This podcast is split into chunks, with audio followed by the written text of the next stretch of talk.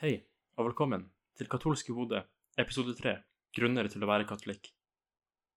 Den engelske forfatteren G.K. Chesterton skrev en gang Vanskeligheten med å forklare hvorfor jeg er katolikk, er at det finnes 10 000 grunner som til sammen utgjør én grunn, at katolisismen er sann. Mitt navn er Øyvind Evenstad, og denne episoden er litt annerledes fra de forrige. Her skal jeg nemlig lese opp to korte innlegg som jeg skrev for fem år siden, altså i 2015, for å forklare noen av mine grunner til å være katolikk. Hvis dere hørte på forrige episode, vil dere forstå at dette med å gi fornuftige grunner til å tro er apologetikk eller trosforsvar i praksis. Jeg hadde flere grunner enn dette allerede i 2015, og det har blitt flere siden da, selv om det kanskje ikke er så mange som 10 000 enda. Uansett håper jeg at du vil synes det er interessant, det jeg har å si. Innlegg nummer 1 28. september 2015 Sannhetens søyle og grunnvoll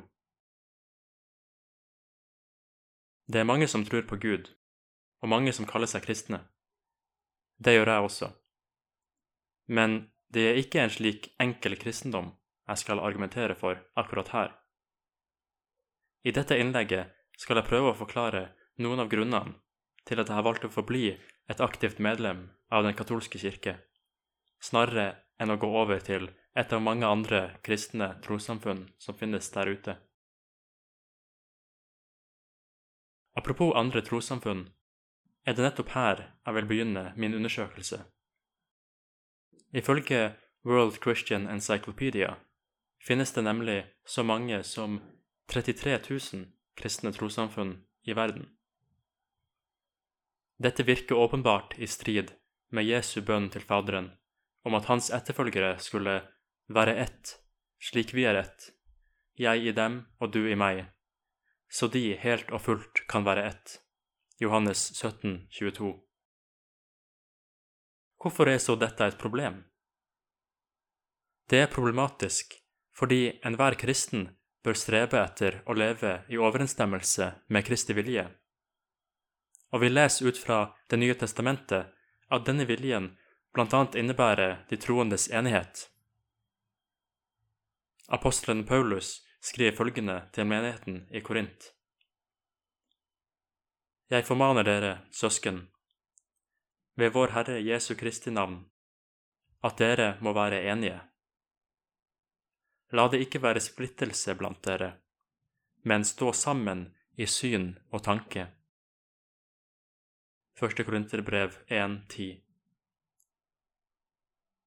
Nå er det en gang slik at det finnes et utall forskjellige syn og tanker blant de som kaller seg kristne. Det finnes både katolikker, ortodokse, lutheranere, anglikanere, metodister, baptister, adventister, pinsevenner, mormonere osv. Hvert trossamfunn mener at de sjøl følger Kristi vilje, men de kan ikke alle sammen ha rett. Derfor kommer de ofte i konflikt med hverandre. Jesus advarer om at et hus som kommer i strid med seg selv, kan ikke bli stående. Matteus 12, 25. Det hele kan synes ganske forvirrende for dem av oss som bare ønsker å følge Kristus og gjøre Hans vilje. Til hvem skal vi gå? Det virker urimelig at Kristus skulle ha etterlatt sine disipler på jorda uten noen ledestjerne som kunne vise vei, slik at vi hele tida lar oss kaste hit og dit og drive omkring ved hvert eneste vindpust av ny lære. Efeserne 4,14. Heldigvis er det ikke sånn. Før han forlot denne verden, overførte Kristus sin guddommelige autoritet til de tolv apostlene, slik at de kunne gå ut i hele verden og forkynne evangeliet for alle som Gud har skapt. Markus 16, 15. Vi leser ut fra Det nye testamentet at apostlene fikk autoritet til å binde og løse, tilgi synder og kaste ut onde ånder. Fra Faderen fikk Jesus all makt i himmelen og på jorden. Matteus 28, 18. Og apostlene førte denne makten videre til sine etterfølgere ved håndspåleggelse. Det er klart, både fra nytestamentlige skrifter og de tidligste historiske beretninger, at Guds nye folk helt fra begynnelsen var underlagt en hierarkisk ledelse av eldste, på gresk presbyteros, prester, og tilsynsmenn, på gresk episkopos, biskoper. Jesus sier at dersom din bror gjør en synd mot deg, og han ikke vil høre på fornuft, skal du si det til menigheten, på gresk eklesia, kirken. Men hvis han ikke engang vil høre på kirken, skal han være for deg som en hedning eller en toller. Matteus 18, 15-17 Kirken blir altså beskrevet som den høyeste instans på jorda. I apostlenes gjerninger leser vi også om kirkemøtet i Jerusalem rundt år 50, hvor følgende dekret ble vedtatt av kirkens prester og biskoper. Den hellige ånd og vi har beslutta ikke å legge noen annen byrde på dere enn disse helt nødvendige tingene. At dere holder dere borte fra kjøtt som var ofret til avgudene, fra blod, fra kjøtt av kvalte dyr og fra hor. Om dere passer dere for slikt, vil det gå dere godt. Apostelens gjerninger 15, 28-29. Et slikt hierarki er nødvendig for at Guds folk skal kunne stå sammen om én Herre, én tro, én dåp, én Gud og alles Far, Efeserne 4, 5. Hvis sannheten var opp til hver enkelt kristen å oppdage gjennom lesning av Skriften, ville det ha resultert i kaos, siden det er noe der som er vanskelig å forstå og de ukyndige og svake forvrenger dette. Peters andre brev 3.16 Det protestantiske grunnprinsippet om sola scriptura, Skriften alene, er uholdbart. For, som den etiopiske hoffmannen sier, hvordan skal jeg kunne forstå når ingen forklarer det for meg? Apostelens gjerninger 8.31 en synlig kirke er nødvendig for å bevare den verdifulle perle som Kristus har etterlatt seg på jorden i form av hans guddommelige lære. Allerede rundt år 110 ser vi at denne synlige enheten blir omtalt som den katolske kirke av den hellige Ignatius. Hvor enn biskopen er, der skal også folket være, akkurat som hvor en Jesus Kristus er, der er den katolske kirke. Katolsk, på gresk katolikos, betyr simpelthen allmenn eller universell, det vil si noe som gjelder for alle. Slik er også den katolske kirke nettopp den ene kirke som gjennom en ubrutt overlevering har videreført Kristi egen autoritet og lære lik et skip på historiens stormfulle hav. Kardinal Newman skriver at dypdykk i historien vil medføre at man opphører å være protestant.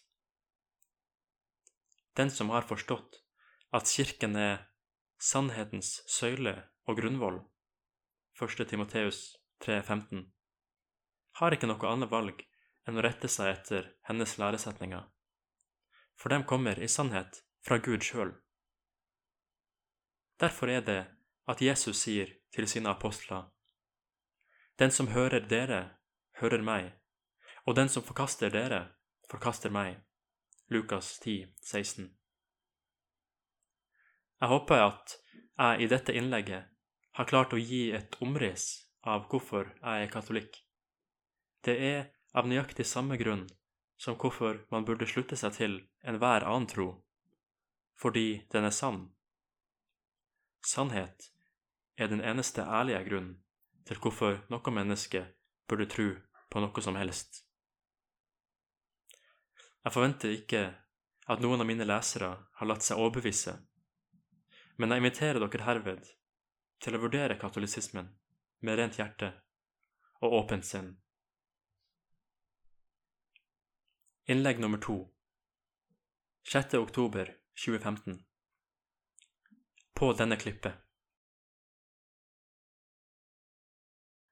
I et tidligere innlegg forklarte jeg noen av grunnene til hvorfor jeg er katolikk. Der skrev jeg at de troendes enhet, apostolisk autoritet og tolkning av Skriften var viktige grunner, og det holder jeg fast ved. Men jeg skrev ingenting om paven, biskopen av Roma, som er en snublestein for mange. Hvorfor skal kirka være styrt av én mann? Hvorfor kan vi eksempel ikke ha en kirke hvor biskopene deler på makten? I dette innlegget håper jeg å vise at pavens forrang har vært del av kirkens tradisjon siden apostolisk tid, og at de første kristne ikke vil ha forstått den protestantiske mistroen til Peters etterfølger. I Det nye testamentet leser vi at Peter tidlig fikk en særskilt stilling blant Jesu disipler. Hver gang navnene på de tolv apostlene blir ramsa opp, står Peter først. Peter blir betrakta som talsmann på vegne av kirka, og Peter er en av tre spesielt utvalgte som ble vitne til Herrens forklarelse. Det finnes mange andre eksempler, som at Peter er den første til å utføre et mirakel etter Kristi himmelfart, og den første etter Kristus til å vekke noen fra de døde.